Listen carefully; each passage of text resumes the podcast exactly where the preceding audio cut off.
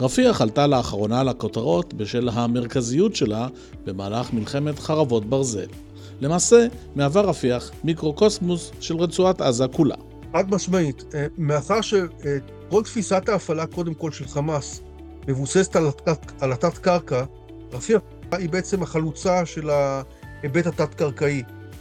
בהתחלה כהברחה, ולאחר מכן כשימוש בתת-קרקע לצרכים של אה, אה, טרור, לצרכי פיגוע. ורפיח, אין ספק, היא, היא מסמלת את כל התופעה הזו. וכאשר התת-קרקע הוא בלב התפיסה של חמאס, ורפיח היא החלוצה, אז בהחלט, אה, אם אנחנו רוצים פה להכריע את חמאס, רפיח היא מהווה סוג של מפתח בהיבט הזה, ודאי. זה היה גיא אביעד, היסטוריון צבאי ומחבר הספר לקסיקון חמאס, שיצא בזמנו לאור בהוצאת מערכות. שלום לכם, היום בכל המערכות נעסוק בעיר רפיח בעבר ובהווה, ובאמצעות גיא אביעד ננסה להבין קצת יותר על ההיסטוריה של רפיח ועל מה שרלוונטי לדעת ממנה על המצב היום. כל המערכות, מתחילים. כל המערכות, הפודקאסט של מערכות. בית התוכן המקצועי של צה"ל לצבא ולביטחון לאומי. עורך ומגיש, דוקטור אמיר גילת, מפקד מערכות. שלום לגיא אביעד. שלום רב. אז כשאנחנו מדברים על אה, רפיח, למה אנחנו מתכוונים? אז למעשה אנחנו מדברים פה על אה, נפת רפיח, שהיא אחת מחמש הנפות שמרכיבות את אה, רצועת עזה, כאשר במרכזה כמובן העיר רפיח ומחנה הפליטים הצמוד לה. הנפה עצמה כוללת סדר גודל בהערכה גסה של בערך כ-180 אלף איש.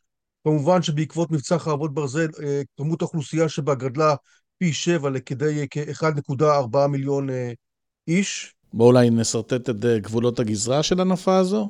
ממערב כמובן היא גובלת עם, עם הים התיכון, מצפון עם נפת ח'אן יונס, ממערב לה כמובן עם שטח מדינת ישראל בדגש על על היישובים אה, חולי, צופה, כרם שלום, אה, ניר יצחק, וכמובן מדרום, אה, בעצם זה הגבול עם מצרים, כלומר לרצועת עזה החמאסית, גבול משותף עם מצרים, כאשר במרכזו עובר מעבר רפיח, שהוא בעצם שער הכניסה הדרומי לרצועה, ולמעשה צינור החמצן העיקרי שלה. ורפיח העיר מהווה למעשה את הבירה של הנפה. איך בנויה העיר? היא מחולקת כמובן למספר שכונות מרכזיות, אנחנו יכולים לדבר על שכונת אל-ג'נינה, שכונת אל-סלאם, שכונת אה, תל אל-סולטן, שכונת תל אל-חשש, וכמובן לצידה יש את מחנה הפליטים, הוא בעצם מחנה הפליטים השני בגודלו ברצועה, לאחר מחנה הפליטים אה, ג'באליה, והמחנה עצמו, דרך אגב, הוא מורכב מכמה תתי מחנות, מחנה שבורה שעלה לאחרונה אה, במבצע יד הזהב לחילוץ שני החטופים פרננדו ולואיס, אה, וכמובן מחנות אה, בשיט, אה, מחנה יבנה וכיוצא בזה. העיר עצמה ומחנה הפליטים נחצים למעשה על ציר אבו בכר א-סדיק, כמו שנפת ח'אן יונס נחצית על ידי רחוב אל-בכר, רחוב הים, זה מבנה בקטע הזה דומה, ויש שני צירי אורך שמחברים את נפת רפיח לנפת ח'אן יונס. אחד זה ציר סלאח א-דין, שנמתח למעשה מצפון רצועת עזה ועד הגבול עם מצרים, ודרך נוספת זה דרך עומר בן אל-חטאב, שמחברת בין אה, נפת רפיח לבין אה, נפת אה, ח'אן יונס, אז זה ככה מבחינת הגיאוגרפיה. ושווה להזכיר עוד משהו. שבאותה נפה בשעתו הוקם שדה התעופה דיאניה על חורבותיו של כפר משתפי הפעולה דהניה.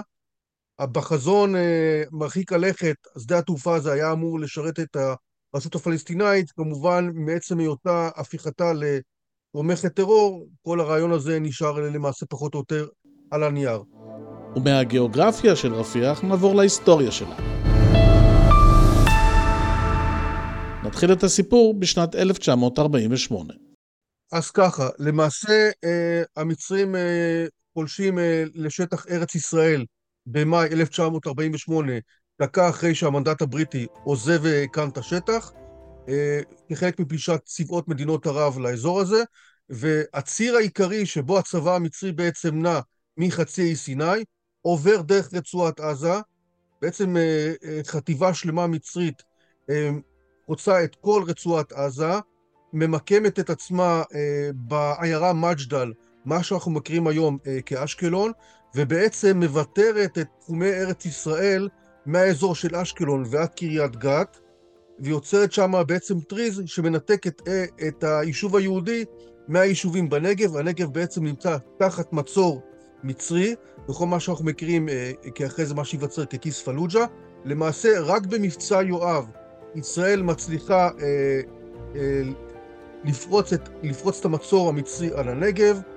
אה, החטיבה המצרית נדחקת חזרה למג'דל ובהמשך לרצועת עזה, עם מה שנקרא טריז בית חנון של חטיבת יפתח, ונוצר כיס פלוג'ה באזור של, אה, אה, אזור קריית גת של ימינו, אזור קיבוץ גלאון, ושם יש מצור על הכיס הזה עד להסכמי שביתת הנשק ברודוס בתחילת 1949.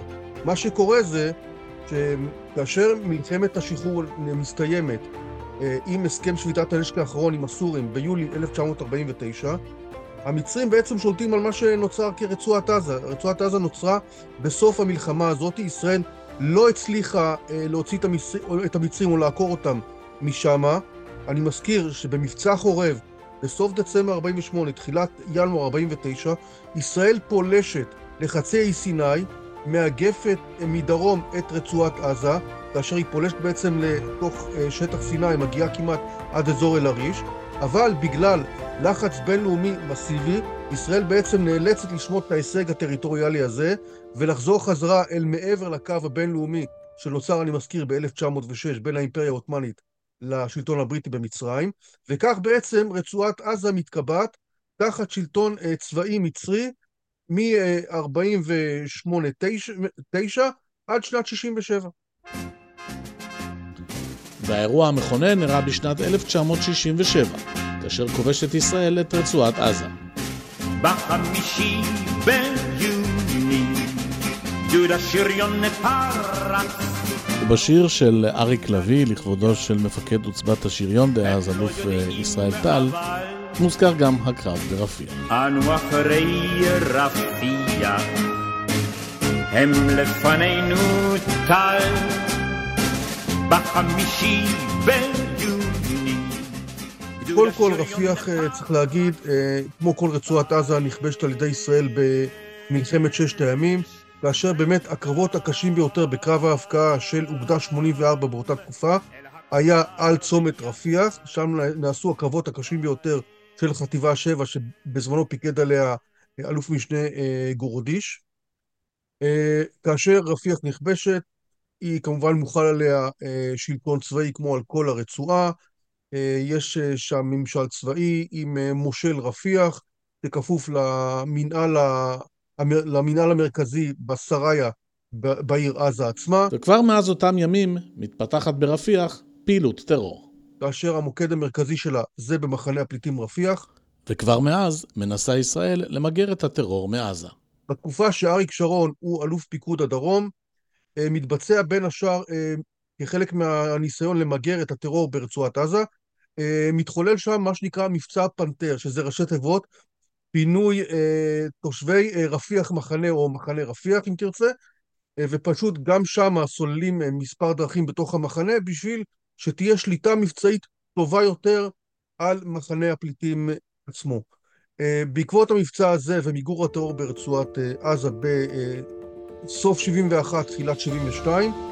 פחות או יותר הרצועה שוקטת, למעט אה, פעילות אה, של חוליה כזו או אחרת, עד לאינתיפאדה הראשונה אה, בדצמבר 87. נקודת הציון הבאה שלנו היא הסכם השלום עם מצרים, שנחתם בשנת 1979. Let there be no more wars or bloodshed between Arabs and Israelis. בעצם הסכם השלום עם מצרים קובע שקו הגבול יעבור בדיוק כמו שההסכם נקבע ב-1906, דהיינו, הוא חוצה בעצם את העיר רפיח לשתיים, לרפיח העזתית, תחת שלטון ישראלי באותה תקופה, ולרפיח המצרית. מה שקרה בעצם בתקופה, בתקופת השלטון המצרי ואחר כך בשנים הראשונות לתקופת הממשל הישראלי, הבנייה ברפיח לא התחשבה בקו הגבול הבינלאומי, ובנו ככל הבא ליד, מה שנקרא. מרגע שנחתם הסכם השלום עם מצרים בשנת 79, אה, והיישום שלו בפועל קרה באפריל 82, העיר רפיח בעצם נחצית לשניים בהתאם לאבני הגבול מ-1906. ומה שקורה שרוב רפיח נמצאת תחת שליטה ישראלית, אבל חלק קטן מרפיח, מה שנקרא בעיקר מחנה הפליטים קנדה, נמצא תחת שליטה אה, מצרית, ונוצר בעצם מצב שמשפחות שלמות משני צידי הגבול נחצו לשניים. ומעניין לגלות שהחלוקה המלאכותית הזו של העיר רפיח היא שהולידה למעשה את המערך התת-קרקעי הראשון של רפיח, בגלגולו הראשון. המשפחות שנחצו לשניים התחילו לחפור למעשה סוג של מחילות בשביל לעבור מצד לצד, או לתקשר האחת עם החצי השני שלה משני צידי הגבול. עד מהרה היו גורמים פליליים בתוך רצועת עזה, שהתחילו להבין שרגע, יש פה פוטנציאל כלכלי-עסקי ששווה לנצל אותו, כי גם יש פה פערים של שערי מטבע בין השער הגבוה של השקל או השקל החדש באותה תקופה, לבין הלירה המצרית. ואמרו, רגע, אנחנו נקרא, נקנה מוצרים אה, בזול ממצרים, ונמכור אותה תמורת שקל שהוא מטבע הרבה יותר חזק ברצועת עזה, ומהפערי מטבע האלה אנחנו נעשה הרבה מאוד כסף. ומאמצע שנות ה-80 בעצם מתחילה להתפתח תעשייה של הברחות, בתור התחלה באמת עבור מוצבי טובין ואחר כך גם סמים, ומשפחות uh, שחיות לאורך הגבול מתפרנסות מזה בצורה לא רעה uh, בכלל. אנחנו מדברים על חמולות כמו חמולת uh, שער, חמולת הנג'אר, אני מזכיר שבאזור הזה יש מספר שבטים בדואים שנהנים מאוד מאותה תעשייה כמו שבט הארמילת, התראבין, הבריקת וכיוצא בזה, ומתפתחת תעשיית הברחות יוצאת מגדר הרגיל בתקופה הזו. המנהרות שנחפרו לצרכים משפחתיים הפכו למנהרות למטרות פליליות. מתי הן הפכו למנהרות בעלות אופי ביטחוני? באינתיפאדה הראשונה, שפרצה בשנת 1987 וטרפה את כל הקלפים באזור. לפתע, מטח אבנים, צעקות, וכל המכוניות העזתיות סבות לאחור. רצועת עזה שעד אה, דצמבר 87 ישראלים נהגו מדי שבת לבקר בשווקים שלה ולאכול במסעדות ואפילו לרחוץ לחופי הים המרהיבים שיש לה. אה, ממדרים את אה, רגליהם מהרצועה כי היא הפכה באמת לאזור שכולו מוכה טרור והוא פשוט סכנת נפשות. האינתיפאדה כמובן בין השנים 87 ל-93 לובשת ופושטת צורה מאינתיפאדה שהתחילה באמת כמחאה עממית אותנטית עד מהרה הולכת וגולשת להתקוממות מזוימת, ובסוף גם לטרור נטו אה, בין אה, ישראל לבין ארגוני הטרור. בראש ובראשונה זה היה, המובילי הטרור היו אה, פת"ח והחזית העממית. החמאס וגם הג'יהאד האיסלאמי כמובילי הזרם הדתי הלכו והתחזקו ככל שהאינתיפאדה הלכה והתקדמה בציר הזמן. ומה שקורה בעצם באינתיפאדה, בעיקר בשנים 91-93, ששם כבר האינתיפאדה היא עימות אה, מזוין נטו בין ארגוני הטרור לבין אה, צה"ל, יש את מה שנקרא תופעת המבוקשים, בעיקר מניצי הפת"ח, מהנשר האדום של החזית העממית, ומעז א-דין אל-קסאם של החמאס. צה"ל מנהל מולם מלחמת חורמה, ועד מהרה יש מבוקשים שמחליטים שוואלה, לא כדאי כל כך למות אה, למען ארצנו, והם אה, עושים את הברירה. במקום אה, למות או להיקלע לשנים ארוכות בכלא הישראלי, הם פשוט מבריחים את הגבול למצרים, רובה המוחלט דרך אותן אה, מנהרות אה, הברחה, והם מוצאים מקלט במצרים, וממצרים הרבה פעמים הם גם משוטטים בכל רחבי העולם הערבי, ובעצם מבריחים את הגבול החוצה. בספטמבר 1993 נחתמים הסכמי אוסלו, ובעקבותיהם נחתמים במאי 1994 הסכמי קהיר, שלמעשה מקימים את האוטונומיה הפלסטינית בעזה וביריחו. to what we are doing today. ובראשון ביולי 94, ערפאת בעצם מגיע לרצועת עזה ומניח את היסודות לרשות הפלסטינאית תחת אה, אש"ף פת"ח, וכאשר נוצרת הרשות הפלסטינאית, עדיין אני מזכיר, ישראל נמצאת עם נוכחות פיזית ברצועת עזה ועם התיישבות יהודית בגוש קטיף, נצרים, כפר הדרום ויישובי התוחמת הצפונית, אלי אה, סיני, ניסנית ודוגית. אה, יש הערים הפלסטיניות בעצם הופכות לסוג של ערי מקלט, לשטח אקס-טריטוריאלי מבחינת אה, ישראל, וכשהמבוקשים שברחו למצרים מבינים שוואלה, נוצרה פה עיר מקלט שאפשר לשוב אליה, הם עושים את התנועה חזרה ממצרים דרך אותן מנהרות לתוך הרשות הפלסטינאית, בדגש על אה, רפיח שנשלטת על ידי הרשות, ונכנסים חזרה. ובין המבוקשים הללו שחוזרים לעזה נמצאים שני מבוקשים שעוד עתידים למלא תפקיד חשוב בסכסוך הישראלי-פלסטיני. האחד מהם זה חסן סלמה, שהוא לימים מי שהוציא לפועל את אה, פיגועי הנקמה על מותו של אה, יחיא עיאש, פיגועי קו 18 בירושלים פעמיים, עם 45 הרוגים, ואיש חשוב ממנו זה עדנאן אל-רול, שהוא בעצם היה מומחה חבלה ברמה מאוד מאוד גבוהה, ונתן שירותים גם לג'יהאד האיסלאמי וגם לחמאס, והוא בעצם ממקימי התעש של חמאס, בדגש על אה, רקטות הקסאם, ומעבר לכך, בין השנים 2001 ל-2004. שני האנשים האלה ועוד רבים אחרים כמותם, חודרים לרצועה חזרה ממצרים בשנת 94, ומעלים ומשדרגים את הטרור משמעותית בתוככי אה, רצועת עזה. כלומר, אנחנו רואים בעצם שהמנהרות ההברחה שהתחילו עם מוצרי טובין ואחרי זה עם סמים למטרות פליליות, הפכו בעצם לכלי של טרור, בדגש על העברה של ידע ושל אנשים בתנועה דו-סטרית מהרצועה החוצה, ואחרי זה מבחוץ, פנימה חזרה לתוך רצועת עזה. צעד נוסף בהתפתחות תוואי התת-קרקע ברפיח נרשם בשנות ה-90.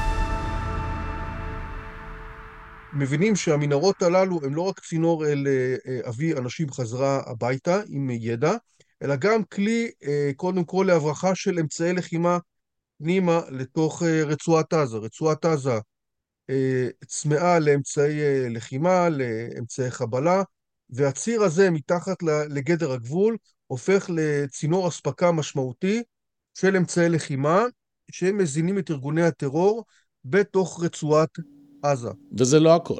גורמים בחמאס, בדגש על יחיא סינואר, שבאותה תקופה נמצא אה, בבית הסוהר ומשתוקק לצאת מתא כילו, הוא יושב כבר משנת 88 בבית הסוהר, ומזה כעשור הוא נמצא בבית הכלא. בשנת 98 הוא רוקם תוכנית יחד עם האח שלו, מוחמד סינואר, שנמצא בחוץ, ועם הנהגת חמאס, לחטוף חייל אה, בשטח ישראל, להעביר אותו לרצועת עזה, ובמנהרה יהודית שנבנתה מרפיח העזתית לרפיח המצרית, להבריח אותו אה, לסיני, כפועל יוצא מלקחי אה, נחשון וקסמן, ומתוך הכרה שישראל לא תפעל בסיני ולא תוכל להגיע לשם, משם בעצם ננהל פיגוע מיקוח שיביא לשחרורו של סינואר ועוד רבים מחבריו לבית הכלא. המנהרה הזו גם נחשפת בסוף שנת 98 או תחילת 99, התוכנית הזו מסוכלת ולא יוצאת אל הפועל, אבל מה שהיא כן מראה, היא מראה את הפוטנציאל הפח"עי שאותן מנהרות שהולכות ונספרות בהתמדה והופכות ממש לתעשייה שלמה ערב האינתיפאדה השנייה. אנחנו חוזרים אלייך, תמר. אנחנו מדברים, אנחנו כבר פצוע ראשון שמובל על אלונקה אל אה, אמבולנס של מגן צבי בדום. אינתיפאדת אל-אקצא, שפורצת בשנת 2000, מעבירה את השימוש במנהרות לשלב הבא שלהן. עכשיו, כאשר פורצת אינתיפאדת אל-אקצא בספטמבר 2000, ובצד הפלסטיני מבינים שזה לא איזושהי מערכה כמו מנהרת הכותל של שניים-שלושה ימים, אלא מערכה בעצם כוללת בין העם הפלסטיני לעם הישראלי, הם מבינים שבשביל להחזיק את המערכה הזו, הם צריכים אורך נשימה משמעותי. ומה זה בעצם אורך נשימה משמעותי? זה אספקה שוטפת של אמצעי לחימה, שיוכלו לשמור על רף פעילות מאוד מאוד גבוה בין צה"ל לבין ארגוני הטרור. וכאן המנהרות של רפיח משחקות אה, באמת אה, כלי משמעותי בנושא הזה, ובאמצעות התספוקת שמגיעה דרך הבדואים מסיני לתוככי רצועת עזה, וצריך להגיד שיש קשרים מצוינים בין הבדואים בסיני לבין הפלסטינאים ברצועה. יש תעשייה שהולכת ומשגשגת, הרבה מאוד אנשים גוזרים מזה גם קופון ומתעשרים, אבל ארגוני הטרור מתוספקים באמל"ח רב, ובעצם הופך את האינתיפאדה ברצועת עזה למשהו אה, משמעותי אה, מאוד. ועל הרקע הזה צריך להגיד שעיקר הפיגועים, עיקר הפעילות הצבאית באינתיפאדה השנייה, התרכזה באזור הזה של ציל פילדלפי, אותו מקטע גבול בין הים ועד אה, נקודת המפגש באזור כרם שלום, סדר גודל של כ-14 קילומטר, שתכתב כתוצאה מהמאמץ אה, להבריח אה, ולהגן על המנהרות, שם עיקר הטרור מתמקד. ובאותה תקופה מנסה ישראל להתמודד עם האתגר של התת-קרקע ברפיח. נוצרת תחרות למידה בין הארגונים, בין החופרים, לבין צה"ל. כל פעם שצה"ל מעמיק את החפירה, או את הגילוי או את החשיפה, החופרים של חמאס ושל ארגונים נוספים מעמיקים את החפירה. צה"ל מנסה באמת בדרכים שונות אה, להתמודד עם האתגר הזה. אחד הדברים המשמעותיים שהוא עושה, הוא בונה על אה, ציר רפיח, מה שנקרא קיר השיגומים. זה בעצם מפעל של חיל ההנדסה, שבונה לאורך אה, ציר פילדלפי פלטות של מתכת בגובה ניכר מעל הקרקע, אבל גם סדר גודל של כעשרה מטרים מתחת לאדמה. מה כמובן הפלסטינאים עושים? מעמיקים את החפירה מתחת לעשרה מטרים. ובעצם מתגברים גם על המכשול, אה, על המכשול הזה. ישראל מחליטה לנקוט במספר פעולות נגד.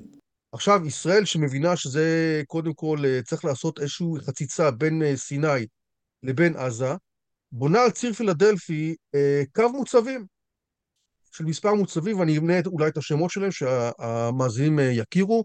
אנחנו מכירים את מוצב ה-JVT, את כרם שלום, את גירית, תרמית, חרדון, כל המוצבים הללו בעצם מנסים אה, למנוע הברחות גם מעל הקרקע, גם אה, להראות סוג של שליטה על קו הגבול, וגם להילחם עם, עם חמושים אה, מרפיח שנושקת לקו הגבול עצמו. ואותם מוצבים הופכים בעצם למטרה לארגוני הטרור הללו, כאשר הנשק העיקרי מול המוצבים הללו של צה"ל הוא מנהרות תופת. כלומר, אנחנו רואים פה תדרוג של התת-קרקע ברפיח לטובת פגיעה במוצ... בקו המוצבים הישראלי, אבל מתחת. ואנחנו רואים בין השנים 2001 ל-2004 אה, שורה של ניסיונות פיגוע וגם מצליחים מול המוצבים הללו. גם מוצב תרמית נפגע, גם מוצב חרדון נפגע, והפיגוע אולי המשמעותי ביותר מתבצע בדצמבר 2004 מול מוצב ה-JVT, שבו חמישה מלוחמי הגצר הבדואי בעצם נהרגים כתוצאה מאותה מנהרת תופת שפשוט מרימה את המוצב הזה באוויר.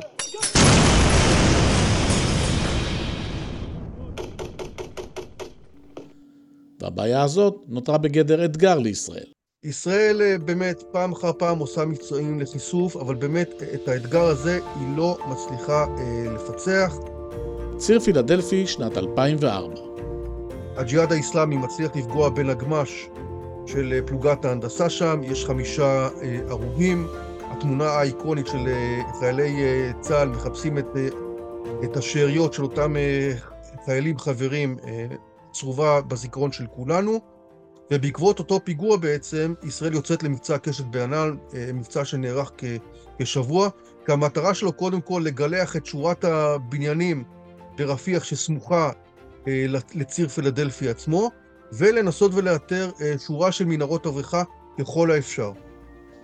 האם היה בכך די? כמובן שזה טיפה בים, זה לא משבש את מאמצי ההברחה, לא מצליח לסכל אותו, והתעשייה ממשיכה לשגשג. ובשנת 2005 מודיע ראש הממשלה אריאל שרון על תוכנית ההתנתקות. תוכנית ההתנתקות תכלול פריסה מחודשת של כוחות צה"ל בקווי ביטחון חדשים ושינוי בפריסת היישובים, כך שיפחת ככל הניתן מספר הישראלים הנמצאים בלב האוכלוסייה הפלסטינית. ישראל בעצם מחליטה להתנתק אה, מרצועת עזה כבר בדצמבר 2003 עם נאום הרצליה של אריק שרון, מיישמת את הנאום בפועל בקיץ 2005, וב-12 בספטמבר 2005 אין יותר ולו חייל ישראלי אחד ברצועת עזה. ומה שקורה בעצם, מעכשיו והלאה אין נוכחות ישראלית ברצועה, ויש גבול בין רצועת עזה תחת הרש"פ, תחת הרשות הפלסטינאית, לבין מצרים. כלומר, מעכשיו אין אף גורם ישראלי שמפריע לתעשיית ההברחות ברפיח מלשגשג. ומעתה והלאה, כל מי שרוצה לחפור, חופר, ומי שרוצה להתפרנס מזה, מתפרנס, ובעצם יש אוטוסטרדה של אמצעי לחימה ושל ידע שמגיעים מחצי האי סיני, דרך שרשרת הברחה מאוד מאוד ארוכה ממדינות שונות כמו איראן וסודאן ולוב, לתוך השטח באין מפריע, ואנחנו מדברים על באמת טונות של חומר נפץ, טונות של חומרי גלם, הרבה מאוד אמצעי לחימה מכל הסוגים, רימונים, קלצ'ניקובים, RPG, מה שאתה רק רוצה, נכנסים לתוך הרצועה, וב' אנחנו רואים מה, מהשנה הזו ואילך בעצם את רצועת עזה הופכת לנשקייה אחת גדולה באמת למפעל אחד גדול של נשק, שאת התוצאות שלו אנחנו רואים הרבה שנים אחר כך במבצע חרבות ברזל עם החשיפות המדהימות שצה"ל אה, בעצם חושף. וערב פרוץ מלחמת חרבות ברזל, החמאס כבר מאורגן היטב מבחינה צבאית ברפיח. הארגון בא לידי ביטוי כחלק מתהליך השינוי שעובר הארגון. אז למעשה אה, חמאס אה, בשלהי האינתיפאדה השנייה, ובוודאי על רקע תקופת ההתנתקות, עובר טרנספורמציה מרשת של חוליות טרור צבאיות לבעצם מבנה צבאי ממוסד, היררכי, עם חטיבות מרחביות. הוא בעצם בונה סדר גודל של חמש חטיבות מרחביות, בואו נמנה אותן, חטיבת צפון הרצועה, חטיבת העיר עזה, חטיבת מחנות המרכז, חטיבת ח'אן יונס וחטיבת רפיח. בעצם מקביל לחמש הנפות? נכון, ממש ממש ככה, ממש ממש ככה, וכאשר בכל חטיבה כזאת עומד בראשה מח"ט, כלומר מפקד בכיר מאוד בחמאס עם ותק משמעותי, עם אנשים שבאמת ייסדו את הזרוע הצבאית של חמאס אי שם בתחילת או אמצע שנות התשעים, ותחת אותו מח"ט כזה יש בכל חטיבה כמה וכמה גדודים, כמובן תלוי בגודל הנפה ובגודל החטיבה. כמובן שחטיבת עזה היא החטיבה הגדולה ביותר, גם בגלל האוכלוסייה, שם יש משהו כמו שבעה גדודים, בחטיבת רפיח יש ארבעה גדודים. מי שעומד באותה תקופה בראש חטיבת רפיח זה בחור בשם רייד אל-עטר, שהיה באמת ממייסדי הזרוע הצבאית של חמאס, ודאי בדרום הרצועה, ושותפו, חברו, ממש אח, התאום הסיאמי שלו זה מוחמד אבו שמאלה, שהוא בעצם אחראי על האגף הדרומי בגדודי עז א-דין אל-קסאם, כלומר תחתיו מוכפפות שני חטיב, החטיבות הדרומיות ברצועה, חטיבת ח'אן שבראשה עומד באותם ימים מוחמד סינואר, וראאד אל-עטר, חברו הטוב משכבר הימים, והם בעצם בונים את הכוח באזור רפיח. צריך להגיד, מרגע שאין יותר שליטה ישראלית בציר פילדלפי, הם, השניים הללו בעיקר גם אמונים על מערך ההברחות ועל התכמוש של כל חטיבות חמאס ברצועת עזה דרך אותן מנהרות הברחה. במקביל לבניין הכוח מתחיל החמאס לתכנן פיגועים נגד ישראל, הפעם בכיוון אחר, אם תרצו, תרתי משמע. הם עושים אה, דבר מאוד משמעותי. קודם כל, מרגע שאין יותר אה, יישובים ישראלים בתוך הרצועה, אז האזימות של המנהרות ההתקפיות של חמאס משנה את הכיוון. אנחנו יותר לא פונים לעבר יישובי גוש קטיף כדוגמה, כי הם לא נמצאים יותר, אלא מפנים את האזימות של המנהרות לעבר עוטף עזה. כלומר, לא, מז... לא מערבה, אלא מזרחה, מתוך כוונה אה, להעביר בצורה מסוימת את הלחימה לשטח ישראל, או לייצר פיגועי איכות מהתת קרקע. ולא חולף אלא זמן אה, קצר בלבד, וב-25 ביוני 2006 הם גם מצליחים לממש את זה. חטיבת רפיח של החמאס מצליחה לבצע את תוכניתה להרוג לוחמים ישראלים ולחטוף את החייל גלעד שליט. אנחנו יודעים לומר האם החייל הזה שנלקח מאותו טנק הוא חי או הרוג. הוא אומר על פי המידע שיש לנו, החייל הישראלי נמצא בחיים. ללא ספק תסריט אימים של צה"ל, בוודאי ברצועת עזה. למעשה חוליה של שבעה מחבלים משלושה ארגונים שונים, עז א-דין אל-קסאם של חמאס, צבא האסלאם של משפחת דורמוש וועדות ההתנגדות העממית שאותן ייסד ג'מאל אבו סמדאנה בשעתו, דרך אגב, במוקד ברפיח, אותה חוליה מצליחה לחדור דרך התת קרקע, דרך מנהרה, לאזור כרם שלום, הורגים שניים מאנשי צוות הטנק של חטיבה 188, וחוטפים את החייל גלעד שליט לשטח הרצועה ומכניסים אותו פנימה לאזור רפיח, לפחות בהתחלה. וזה נכס משמעותי מאוד, שאותה חטיבת רפיח גם למעשה מובילה. והתוצאה ידועה עם, עם עסקה חמש שנים וחצי לאחר מכן, שבה משוחררים 1,027 מחבלים, מתוכם באמת כ-300 אסירי עולם, ובהם גם יחיא סינואר מיודענו. אז זה הישג משמעותי מאוד של אותה חטיבת רפיח. שנה לאחר חטיפת גלעד שליט, מתחוללת בעזה הפיכה של החמאס נגד הפת"ח. וכאשר חמאס הוא הופך לריבון בפועל ברצועת עזה, זה אומר שהוא גם השליט הבלעדי על ציר פילדלפי. כלומר, הוא מעתה והלאה שולט על כל מערך המנהרות ברפיח, הוא גובה עמלה מחלק מאותן משפחות פשע שמתחזקות חלק מאותן מנהרות, ממש גובה סוג של מס, מכס, על מה שמוכרח למנהרות. ממש ככה, וכמובן הוא מפקח על החפירות, על מנהרות אסטרטגיות, שחלקן גם, דרכן אפשר גם להעביר מש רכבים מתחת לגבול המצרי, וכשהוא שולט על כל המערך הזה, מבחינתו השמיים הם הגבול. הוא יכול להעביר פעילים, הוא יכול להעביר אמל"ח, הוא יכול להעביר uh, כל ציוד שהוא רואה לנכון, שחסר לו, בשביל לבנות את בניין הכוח לקראת מערכה משמעותית יותר מול מדינת ישראל. ממש ממש בצורה הזאתי. ומ-2007 והלאה אנחנו רואים בניין כוח שרק הולך ומתעצם משנה לשנה, מסבב לסבב וממערכה למערכה. והמשמעות ברורה. גדודי עז-א-דין אל-קסאם בעצם עושים הפיכה צבאית, הם, למרות הנחיתות המספרית שלהם אל מול מנגנוני הביטחון הפלסטינאים של הרשות, מצליחים בעצם לפגוע באותן מפקדות בפעולה מתואמת, משתלטים על מוקדי הכוח של הרשות הפלסטינאית, מוציאים לא מעט אנשים אה, פתחאווים להורג, ובעצם מיוני 2007 הרצועה היא תחת ממשל חמאס, וזה אומר בעצם שמעכשיו יש באזור כרם שלום גבול משולש, גבול עם, בין ישראל לבין אה, רצועת, חמ... אה, רצועת עזה החמאסית, לבין מצרים. כלומר, מצרים, שהיא מתעבת את האחים המוסלמים, עכשיו יש לה גבול עם שלוחת האחים המוסלמים הפלסטינאית באזור אה, רפיח. במבצע צוק איתן מחסלת ישראל את אחד המפקדים הבכירים של רפיח, ראיד אל-עטר, את מפקדו מוחמד אבו שמאלה, ואת מוחמד ברור, שהיה אחראי על ההברחות של חמאס ברפיח. כתוצאה מכך, משנה חטיבת רפיח את הפיקוד שלה ומיישת אותו בבעלי תפקידים חדשים.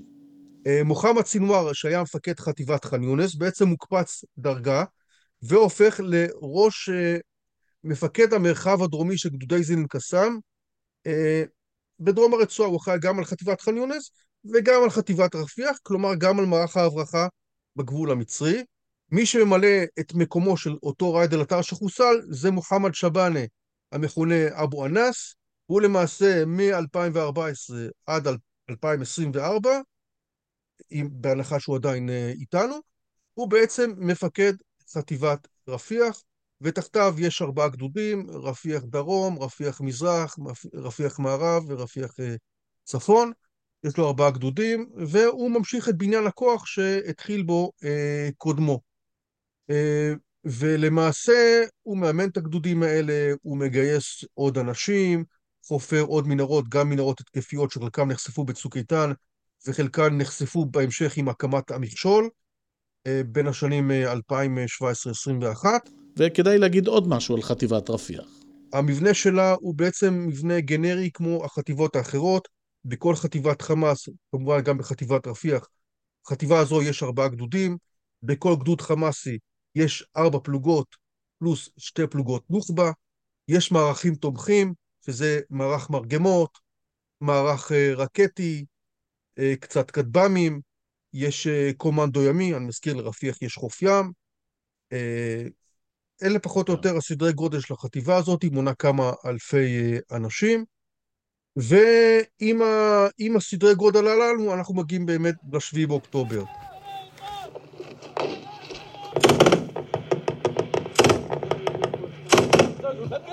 Uh, כמובן שחמאס באותה שבת ארורה בשביעי באוקטובר תוקף את, uh, את קו הגבול בין ישראל לרצועה מאורק, לכל אורכו.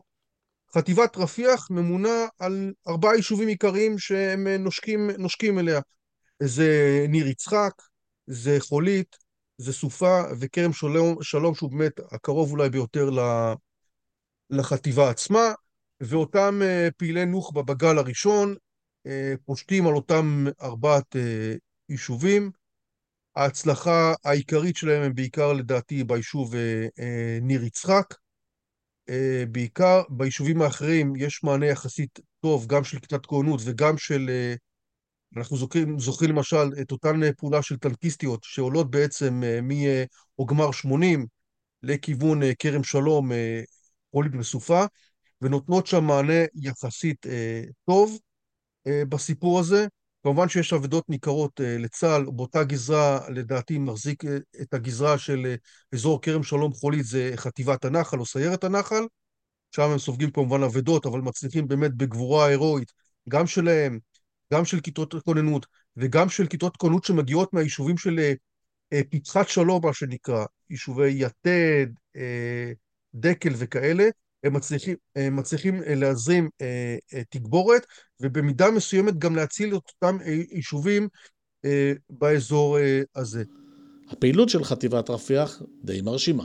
חטיבת רפיח מצליחה לפשוט לאותם ארבעת יישובים, לנהל קרבות משמעותיים, גם לפגוע במוצבים של צה"ל באותה גזרה, ולאחר שצה"ל מתעשת ומצליח להחזיר את השליטה על העוטף לידיו, בעצם מכאן והלאה מתרכזת הלחימה בכל רצועת עזה, כאשר כמובן רפיח נשארת לקינוח. גיא אביעד, תודה רבה לך. בבקשה. אנחנו סיימנו את הפרק הזה, תודה רבה גם לכם על ההאזנה. כל הפרקים של כל המערכות, הפודקאסט של מערכות, בית התוכן המקצועי של צה"ל לצבא ולביטחון לאומי, נגישים באתר מערכות, מערכות.idf.il. אנחנו ניפגש איתכם בפרק הבא. להתראות.